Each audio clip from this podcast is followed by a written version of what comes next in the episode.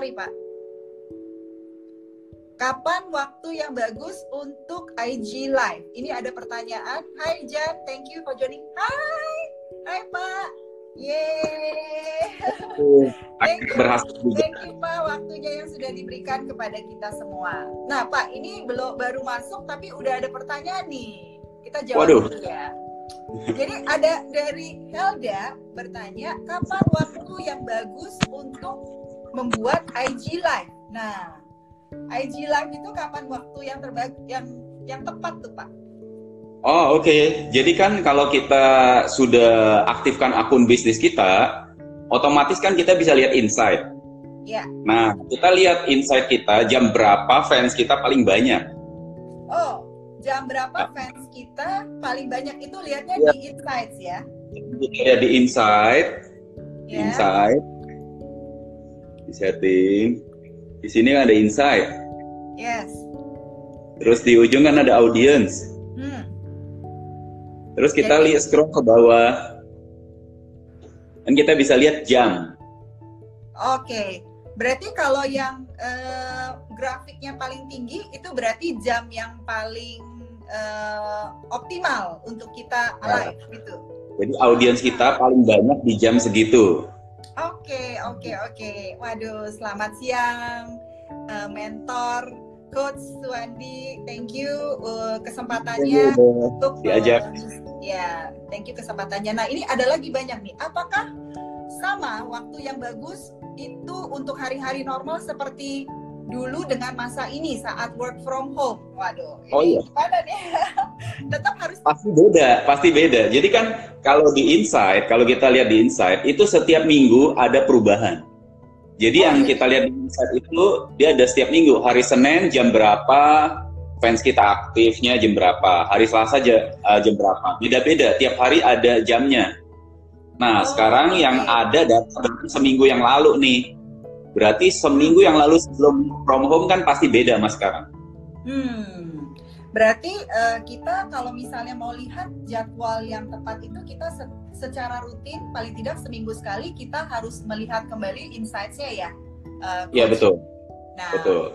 Nah, hari ini thank you teman-teman yang sudah mengikuti sesi live ini. Nah, tidak berlama-lama lagi, Coach, ini semua pada penasaran mengapa saat sekarang itu penting sekali kita membangun social media presence, online presence. Kenapa?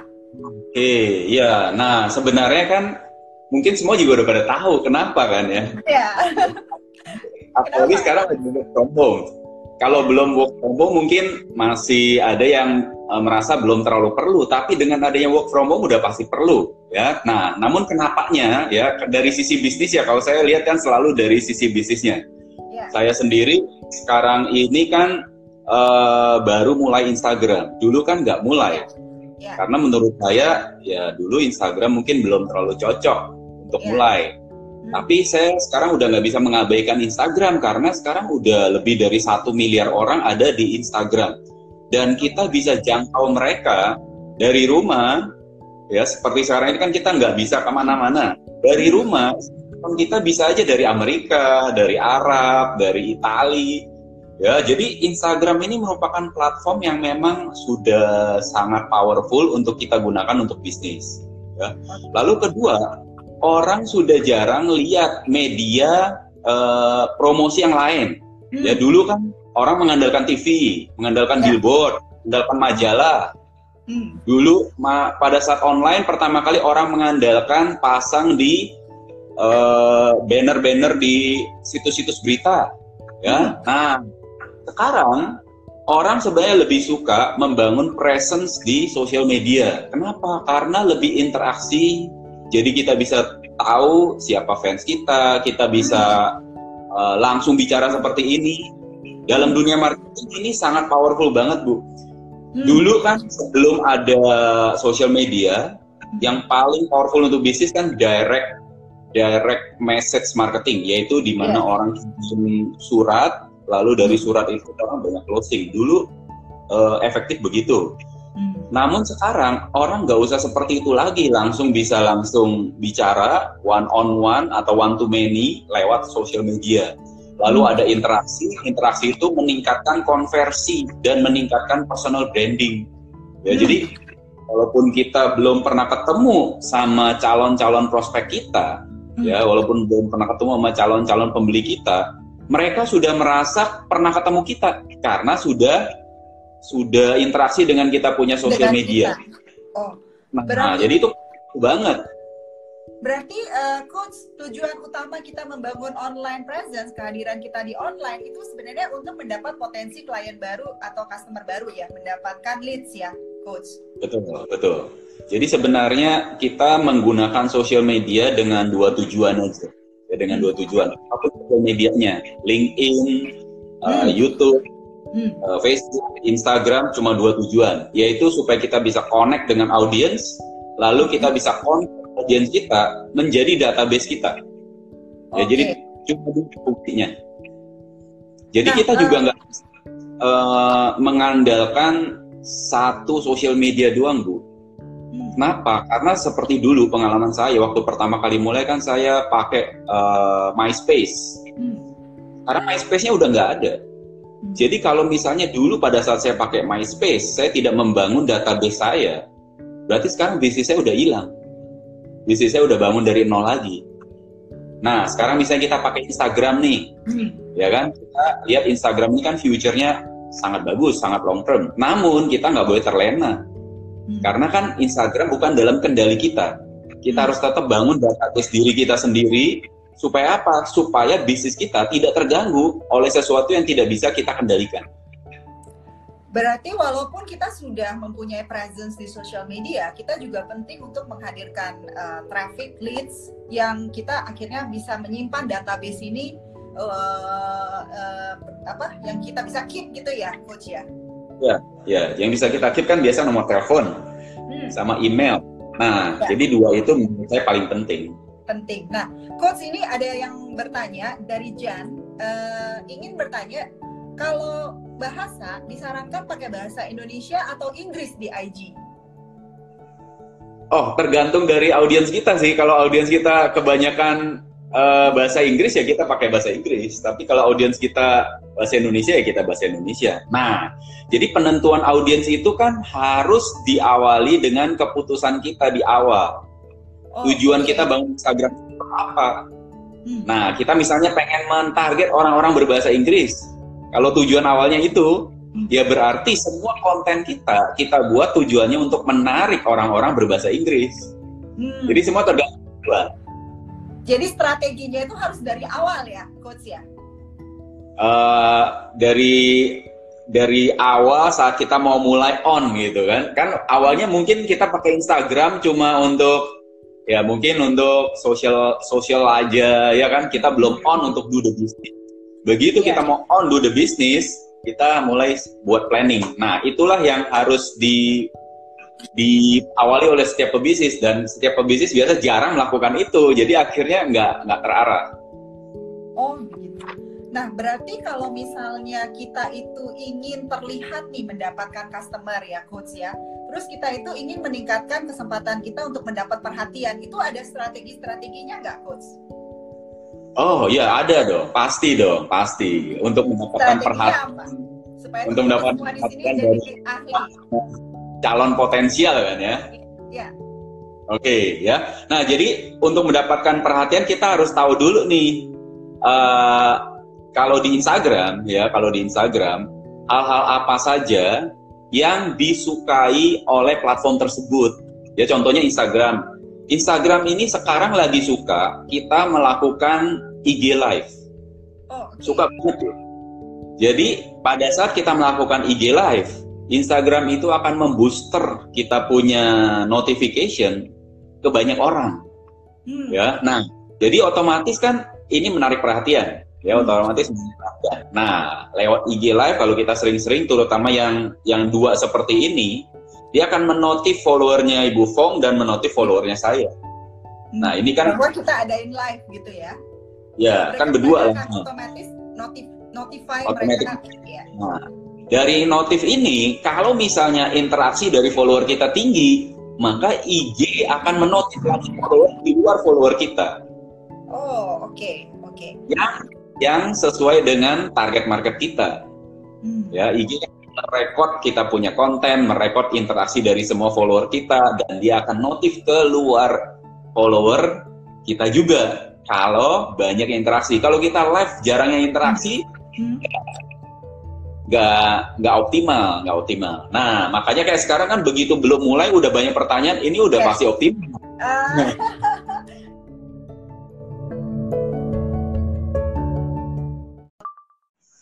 Oke, nah paling penting adalah paling penting 10 detik pertama sampai 15 detik pertama kita sudah kasih tahu kenapa mereka harus stay sampai berakhir. Oke, itu tipsnya ya. Jadi kita di awal kita harus kasih dulu iming-iming gitu ya, coach ya. Oke, jadi misalnya nih misalnya, oke, oke Bapak Ibu yang sudah hadir di IG Live hari ini, ya pastikan Bapak Ibu stay sampai akhir karena best eh. tipsnya itu akan saya berikan di akhir sesi ini, bukan oh. di awal. Di akhir saya berikan best tipsnya. Oke, oke. Jadi supaya mereka akan menunggu untuk tetap stay di IG Live kita, nggak hanya cuma masuk terus keluar ya. Nah, uh, yeah. Iya. uh, Coach Wandi ini ada lagi pertanyaan dari Jan. Pak, kalau banyak stories tapi nggak banyak post, apakah itu juga dinilai sebagai konsisten? Jadi kalau hanya memposting story, tetapi kontennya itu tidak jarang, nah itu apakah juga termasuk konsisten? Oke, jadi konsisten yang dinilai oleh Instagram adalah pertama, ya, pertama konsisten itu bukan tiap hari. Ya, okay. Konsisten itu bukan berarti tiap hari. Konsisten itu artinya predictable. Hmm. Ya, konsisten itu predictable. Jadi misalnya kita cuma punya waktu seminggu sekali posting. Hmm. Ya, tiap hari Jumat misalnya. Hmm. Ya udah, tiap hari Jumat seminggu sekali. Kan kita ngajak tiap hari posting ya. konten. Uh. Ya udah, tiap hari Jumat seminggu sekali, tiap hari Jumat kita posting. Kalau kita bisa lebih spesifik lagi, misalnya tiap hari Jumat jam 3 sore, hmm. itu lebih bagus lagi. Ya. Hmm. Nah, lalu itu kan konsisten dari sisi posting. Lalu hmm. konsisten dari sisi IG story. Hmm. Tiap hari posting IG story konsisten gitu kan ya itu nggak hmm. apa-apa konsisten juga itu nah, juga nggak apa-apa ya nggak apa-apa dan yang dinilai oleh IG bukan cuma uh, konten yang kita post di feed maupun di story maupun di IGTV, ya. tapi juga pada saat kita masuk ke IG jam berapa. Jadi misalnya nih bangun pagi kita ya. jam 6 sampai ya. setengah 7 masuk IG. Lalu jam 12 sampai jam 12.30 masuk IG. Hmm. Lalu jam 9 malam sampai 9.30 masuk IG. Berarti sehari tiga kali konsisten masuk IG. Hmm. Itu juga dinilai oleh IG. Oh, Jadi gitu. semakin konsisten, semakin baik. Oke, berarti uh, bukannya kita itu uh, harus melakukan setiap hari, tetapi adalah kita harus membuat uh, postingan kita itu menjadi predictable ya, uh, coach ya. ya nah ini ada uh, pertanyaan dari Novi, Denny Novi Lan, eh, Lianti, uh, sebesar seberang, seberapa besar pengaruh IG story-nya, coach Wandi? Kalau soal pengaruh itu tergantung dari relevan kita sama kita punya audiens. Hmm. Jadi kalau yang tadi kita bicarakan tentang konsisten itu adalah karena Instagram menyukai kita, hmm. ya. Jadi setiap kali kita posting, mungkin orang yang bisa melihat postingan kita lebih banyak hmm. daripada orang yang uh, tidak konsisten. Hmm. Ya, jadi angka lebih banyaknya berapa kita nggak pernah tahu, karena itu memang tidak pernah di, dikasih informasinya. Cuma dari pengalaman kita melihat bahwa semakin kita konsisten, kita semakin mendapatkan audiens lebih luas. Oke, okay. audiens lebih luas. Adalah tergantung dari kualitas konten kita, berapa connect dengan audiens, ya. Apakah audiens tersebut banyak interaksi dengan konten kita? Kalau semakin banyak, semakin baik. Yang oh. kita perlu perhatikan adalah biasanya orang posting konten di Instagram, hmm? cuma posting visualnya aja mereka tidak memperhatikan captionnya. Padahal caption itu penting banget. Hmm. Ya, visual penting untuk grab first hmm. attention. Tapi caption adalah bagaimana kita masuk lebih dalam kepada kita punya uh, follower. Jadi hmm. untuk gambar yang sama, followernya Ibu Fong akan lebih connect dengan kata-kata dari Ibu Fong dibandingkan hmm. dengan foto yang sama, saya copy persis kata-katanya dari Ibu Fong. Hmm. Follower hmm. saya mungkin Ya. Yeah. Padahal gambarnya sama. Yeah. Nah, tulisannya harus beda. Kenapa? Karena follower kita masing-masing punya ketertarikan yang berbeda. Oke, menarik sekali ini ya. Berarti uh, kalau misalnya kita sudah konsisten ya, Coach Wandi. Misalnya kita sudah melakukan uh, posting konten secara di feed dan di story. Nah, ini juga sama nih pertanyaannya dari Novi. Idealnya berapa kali sehari untuk membuat posting kalau kita mau lebih di uh, mendapatkan lebih banyak perhatian dari apa dari audience dari calon audience itu berapa okay. kali posting dalam satu hari? Uh, jadi hubungan idealnya adalah kalau kita memang waktunya banyak, kita punya komitmen dan disiplin untuk sehari dua sampai tiga kali, ya. itu idealnya, ya itu idealnya. Tapi kalau misalnya kita tidak bisa memberikan postingan 2 sampai 3 kali dengan kualitas konten yang relevan dengan audiens kita, mulai dengan satu kali dulu. Jadi satu kali setiap hari dengan kualitas lebih baik daripada tiga kali sehari asal-asalan. Tapi asal-asalan ya, jadi hmm. harus kita perhatikan ya. Jadi tadi uh, menarik sekali jadi jangan hanya kita post foto, misalnya 10 foto, tapi kita juga nggak pikirkan uh, captionnya, kita hanya posting itu tidak efektif ya untuk meningkatkan. Nggak efektif, nggak efektif itu kan nggak ada gunanya. Oke. Okay. Nah kalau misalnya uh, teman-teman di sini mungkin sudah punya social media account, nah mereka ingin naik level nih, pengen upgrade uh, Coach Wandi. Nah kira-kira langkah-langkah apa yang mereka harus lakukan? Supaya uh, branding presence mereka itu uh, teraktivasi. Ada caranya nggak? Oke, okay. uh, eh, kalau bicara soal branding kan uh, panjang nih, ya kan? Tapi hmm. untuk branding di Instagram paling penting adalah ya kita perbaiki kita punya bio dulu. Bio itu kan bio. kan nanti hubungannya dengan uh, apa yang ingin dicapai lewat Instagram.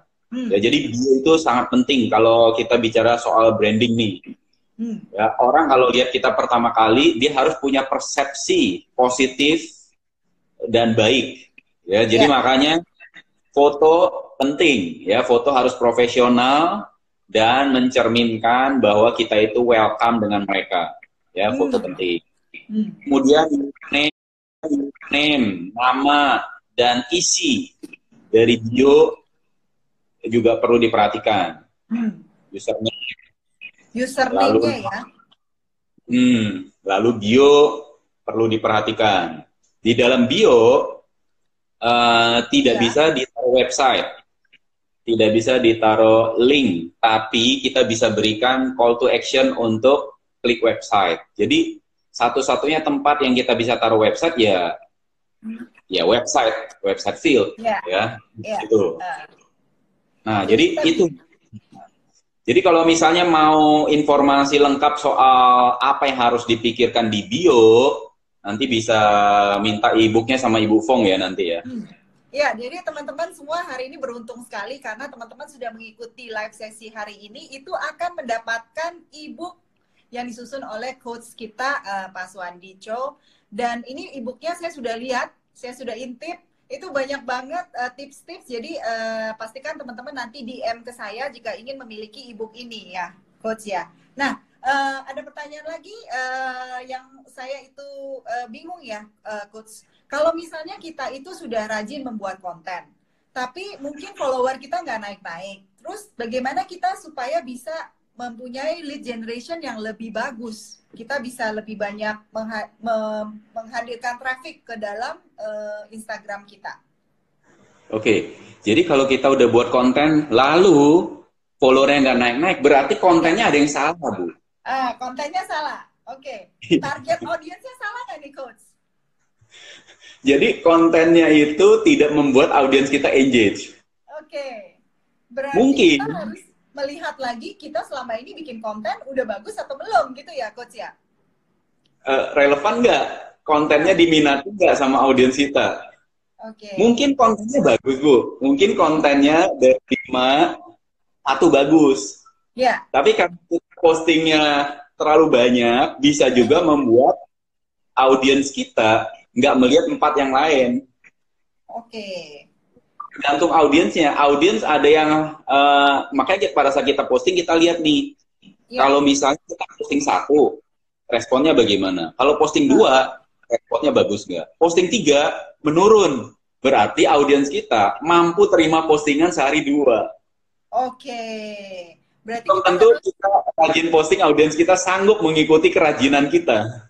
Ah, itu kita perlu menganalisa juga ya, apakah audiensnya kita itu sanggup mengikuti uh, ya itu ya ritmenya kita ya. Kalau misalnya kita mau... mungkin audiens kita kan sekarang masih baru nih, masih ya. baru. Jumlahnya belum cukup untuk menerima konten terlalu banyak juga misalnya. Ya, ya. ya kita nggak tahu juga, makanya semuanya kita harus perhatikan dari angka-angka hmm. insight kita. Jadi kita pantau insightnya. Oke, nah coach ini ada yang bertanya, kalau kita sudah aktif di IG, apakah kita perlu update blog kita? Kalau sudah aktif di IG, apakah perlu update blog kita? Oke, ya. jadi kan fungsinya beda. Fungsi IG hmm. dan fungsi hmm. blog beda. Fungsi ya. IG ya, sebenarnya fungsi sosial media secara umum fungsinya adalah menjemput traffic.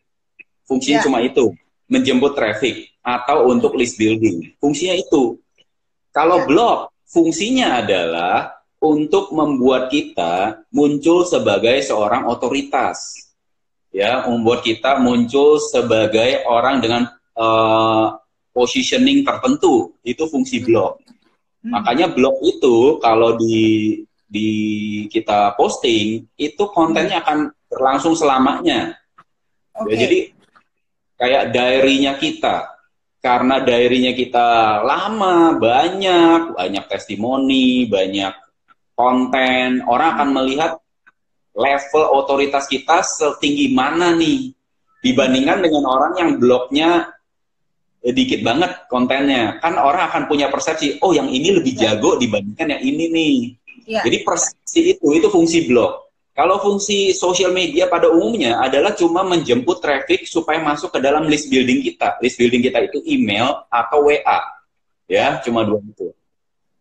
Berarti kalau misalnya uh, kita yang ingin membangun online presence kita, penting juga kita membangun otoritas di blog dan juga kita penting juga aktif di Instagram atau sosial media lain untuk fungsinya untuk list building. Jadi dua ini tetap harus dijalankan ya, coach ya. Oke, okay uh, semua kan tergantung dari waktu. Hmm. Ya kan, waktu kita yang terbatas, kita selalu mau investasikan waktu kepada hasil yang paling optimal. Ya. Nah, kalau misalnya kita tidak punya uh, cukup banyak waktu, kita masih sambilan ngerjain yang lain, hmm. berarti kan kita utamakan yang paling penting dalam bisnis itu adalah list building. Yeah. Ya, paling dalam bisnis itu list building. Nah, Supaya list building baik, social media adalah sumber traffic yang sangat powerful sekarang ini. Berarti fokus di social media sambil list building. Kalau kita sudah sudah sampai ke level di mana kita ada waktu lebih, hmm. mulailah kita bangun. Bangun blog ya. Hmm. Karena blog itu sebenarnya aset properti kita sendiri yang bisa kita kendalikan. Tentu yeah. kan ini lebih baik ya kan tapi kalau waktunya nggak ada kan goal dalam bisnis kan bagaimana supaya kita uh, cepat dulu nih cepat yeah. dulu uh, get the customer keep the business rolling setelah itu baru do the other thing. Ya kan? Nah jadi ya udah perkuat dulu di sosial media dan sosial media kita nggak perlu terutama di IG kita nggak perlu fans banyak banyak seribu hmm. true itu udah udah bisa membuat kita uh, run a good business, ya profitable business, seribu fans. Seribu fans saja sudah cukup untuk kita bisa uh, mempunyai uh, ini ya uh, bisnis. bisnis ya. Nah, coach kalau misalnya kita itu uh, sudah mendapatkan traffic yang masuk. Nah, kita bagaimana membangun interaksi dengan mereka supaya mereka itu bisa uh, trust sama kita atau bisa ada engagement? Uh, kalau di sosial media kan otomatis sudah engagement. Udah otomatis kalau, kan mereka sudah udah. follow kita berarti kita sudah ini. Tapi kan kita yeah. pengen misalnya kita pengen mereka itu masuk ke bio kita, lalu mungkin mereka uh, klik ke website kita. Nah itu ada trik-triknya nggak untuk kita itu bisa okay. uh, eh, bikin mereka begitu? Ya kan kita berharap semua orang yang masuk dia lihat bio kita lalu yeah. take action untuk masuk ke dalam kita punya apa list building. Yes Nah, otomatis kan berarti bio kita harus powerful, harus uh, memberikan satu alasan kenapa mereka harus masuk. Oke. Okay. Ya, jadi berarti di bio harus ada call to action dan uh, namanya lead magnet atau insentif. Insentif atau bonus untuk mereka masuk ke dalam kita punya list building. Ya, itunya harus powerful. Nah, kemudian kontennya harus sesuai dengan audiens yang kita mau attract. Hmm. Karena dalam sosial media ini kan kita harus menyediakan konten. Konten itu adalah uh, makanan sebenarnya. Kalau kita mau ikan besar, kita nggak bisa kasih konten yang uh, ikan kecil, hmm. ya kan? Harus kasih konten ikan besar, gitu loh. Jadi semua tergantung. Oke, berarti itu strategi kita bagaimana membuat bionya kita supaya orang itu akan uh, apa ingin mengklik dan masuk ke dalam uh, ini kita ya uh, call to action kita ya. Coach ini ada yang bertanya. Uh, isi ya. Ini ada yang bertanya, kalau menurut Coach Wandi, kalau saat melakukan IG Live sekaligus dengan FB Live memakai dua HP, baikkah hal tersebut di mata audiens. Nah, gimana tuh, Coach? Biar ini ya, biar hemat waktu gitu ya. Iya, iya. Bagaimana, bagaimana? Oke, okay, uh, eh, menurut saya, orang-orang audiens yang di IG sama audiens yang di Facebook tidak terlalu 100% match. Jadi secara demografi orang-orang yang di IG lebih milenial dibandingkan orang-orang di Facebook. Ya. Jadi pada saat kita maksudnya mau dua itu ya nggak apa-apa. Cuma akhirnya apa? Akhirnya kita tidak bisa engage terlalu dekat dengan yang Facebook, tidak bisa engage terlalu dekat yang IG. Maka lebih efektif kalau kita engage ke satu platform. Ke satu platform. Kalau satu pasti akan kita korbankan, tidak tidak akan terlalu engage dengan mereka.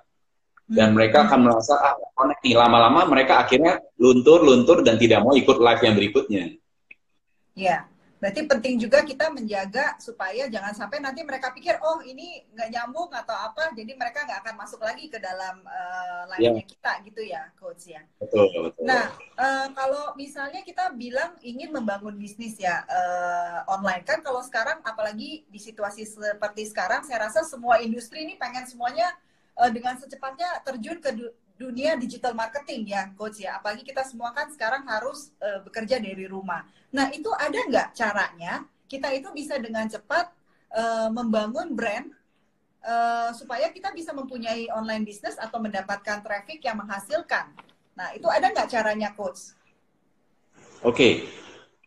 supaya bisa menghasilkan uang kan tentu harus ya. ada yang dijual hmm. ya kan kalau ada yang dijual ya nggak mungkin menghasilkan uang. Nah, tergantung yang mau dijual apa. Ya, nah hmm. kalau kita mau cepat berarti kan kita harus uh, punya produk yang namanya produk affiliate, produk yeah. yang kita nggak usah urusin, tapi itu bisa langsung kita jual. Jadi kita nggak usah bikin produk sendiri, nggak usah cari supplier sendiri, yeah. kita sudah otomatis dicari merchant yang ada affiliate aja, tinggal kita recommend. Nah itu paling cepat sih menurut saya. Kalau yang kedua cepat ya misalnya kita punya skill, ya kita yeah. punya skill. Misalnya kita jago deh bikin nasi goreng. Yeah. Ya jago goreng. Ya udah kita bikin resep nasi goreng. Hmm. Bikin bukunya aja. Ya kan? Nasi goreng dari berbagai negara. Ada misalnya 25 resep nasi goreng paling enak dari berbagai negara. Hmm. Oke, jadi terus kita bikin IG live nih. Uh. Ya kan? Kita udah bikin resepnya di buku, e-book, ya, PDF. Lalu kita bikin IG Live. Kita misalnya demo nasi goreng. IG yeah. Live-nya demo nasi goreng. Yeah. Jadi para pengguna nasi goreng pasti datang. Hmm. Ya. Oke, okay. nah yang hadir di IG Live kita kasih tiga resep nasi goreng. Berarti ada tiga 20 resep. nasi goreng yeah. yang yang masih dia belum tahu. Nah, untuk yang pengen lengkap uh, resep nasi goreng, yeah. gampang, bisa pesen, cukup bayar misalnya dua puluh ribu atau lima puluh ribu atau seratus ribu ya terserah, terserah. Yeah, yeah, Jadi yeah. udah terjadi penjualan. Oke, okay. Berarti kita harus memberikan kayak tadi Coach Wandi bilang insentif ya. Jadi di awal itu kita bikin kayak semacam ibu untuk membuat mereka masuk ke dalam IG live kita gitu ya coach ya iya jadi tahapannya begitu tahapannya begitu kalau mereka tidak punya produk dan ingin mulai Produk. tapi kalau lebih ya. sederhananya mereka bisa uh, menjual produk affiliate tadi ya affiliate itu adalah ya, produk ya. lain tapi kita tinggal memasarkan nah yeah. kalau misalnya uh, untuk uh, ini kan ternyata kita sudah kita kan di Instagram cuma boleh 60 menit ya, Coach Suandi. Jadi uh, kira-kira ada tips yang uh, mungkin penting sekali untuk teman-teman uh, pahami nggak untuk uh, bagaimana mereka bisa membangun online presence-nya mereka? Oke, okay. untuk teman-teman yang memang mau ya mau serius memanfaatkan Instagram, pertama ada tiga langkah nih. Yeah. Pertama harus memutuskan dulu bahwa kita mau uh, gunakan Instagram untuk bisnis. Karena terkadang kita punya Instagram itu sebenarnya untuk hobi doang. Hmm. Pas kita makan apa, kita foto. Yeah. Pas kita ketemu siapa, kita selfie. Itu kan yeah. untuk hobi doang. Hmm. Nah, kalau untuk hobi, biasanya kita lakukan sesuatu di Instagram itu tanpa rencana. Yeah. Karena tanpa rencana, akhirnya kita tidak mendapatkan target market yang sesuai dengan yang kita inginkan. Ya. Jadi supaya kita bisa mendapatkan target market yang kita inginkan, kita mendapatkan calon-calon pembeli potensial. Jadi kita harus putuskan dulu nih, oke, okay, mulai hari ini saya ingin membuat Instagram saya untuk bisnis. Jadi saya harus mulai buat rencana. Nah, rencana paling penting adalah kita harus tahu goalnya dulu. Goal. Ya, nah, goal. Karena goal itu nanti menentukan bionya kita mau tulis seperti apa. Nah, nanti bisa download e-booknya dengan e form, ya kan? Goal, tentang bio, dan lain-lain. Nah, setelah kita punya rencana, baru masuk ke tahap berikutnya. Tahap berikutnya yaitu harus buat konten yang relevan. Konten ya. yang relevan. Nah, konten yang relevan itu adalah konten yang engage dengan kita punya target market. Hmm. Ya, konten yang engage. Engage itu artinya interaksi. Interaksi itu yang paling tinggi adalah uh, komen, share, sama save. Ya, kalau like itu nilainya tidak tinggi, ya. Jadi iya. komen, yeah. uh, share, sama save. Nah, setelah hmm. itu, setelah kita uh, relevan kontennya, maka kita mulai masuk ke dalam yang nomor tiga nih. Kita yeah. harus punya sistem. Kenapa kita harus punya sistem? Sistem supaya apa? Hmm. Sistem itu maksudnya sistem kerja kita, ya sistem kerja kita. Supaya apa? Supaya kita uh, waktu di IG live itu, eh sorry, waktu kita menggunakan IG hmm. itu terencana. Jadi misalnya, misalnya sistemnya kita adalah uh, kita akan buat konten yang uh, edukasi, entertain, sama empower, ya. ya. Setelah kita buat konten tersebut, kita akan share di uh, story, ya. Jadi hmm. sistemnya pertama kita buat feed dulu, setelah hmm. itu story. Story, nah, ya. Setelah story, kita mulai uh, interaksi dengan mereka. Hmm. Dari interaksi tujuannya supaya mereka masuk ke dalam bio atau DM kita supaya kita list bidding. Nah, hmm. udah kalau kita lakukan tiga langkah ini, ini sudah merupakan fondasi. Kita nggak terasa nanti sebulan kita sudah hmm. dapat follower-follower yang targeted follower yang targeted ya itu paling penting ya ya ya paling penting ya Jadi uh, tadi uh, Coach Wandi bilang bahwa kalau kita bisa punya seribu follower aja itu sudah bisa running a very good business. Jadi bukan tapi business. harus targeted, harus yang tepat ya iya. followernya ya. Jadi itu uh, yang apa yang men menceritakan tentang seribu true fans ini, seribu fans sejati ini namanya Kelly. Ya cari aja di internet banyak kok. Iya. Dia dia punya penjelasan tentang kenapa seribu fans itu udah cukup ya jadi hmm. tinggal cari aja artikelnya oke jadi uh, kita itu kadang-kadang kan salah pikirnya yang penting followernya banyak tapi kalau iya. followernya yeah. itu tidak targeted audience kita itu maka tidak tidak akan ada terjadi apa-apa tidak ada traffic tidak ada terjadi konversi apa-apa gitu ya coach ya oh, betul nah, ada orang yang followernya banyak sejuta dua juta tapi mereka tidak tidak mendapatkan penjualan Hmm. Berarti kan ada yang salah pada saat strategi awalnya. Oke. Okay. Nah, uh, Coach Wandi terima kasih untuk waktunya karena kita cuma sisa 5 menit lagi dan hey. uh, karena Instagram itu akan otomatis uh, shutdown di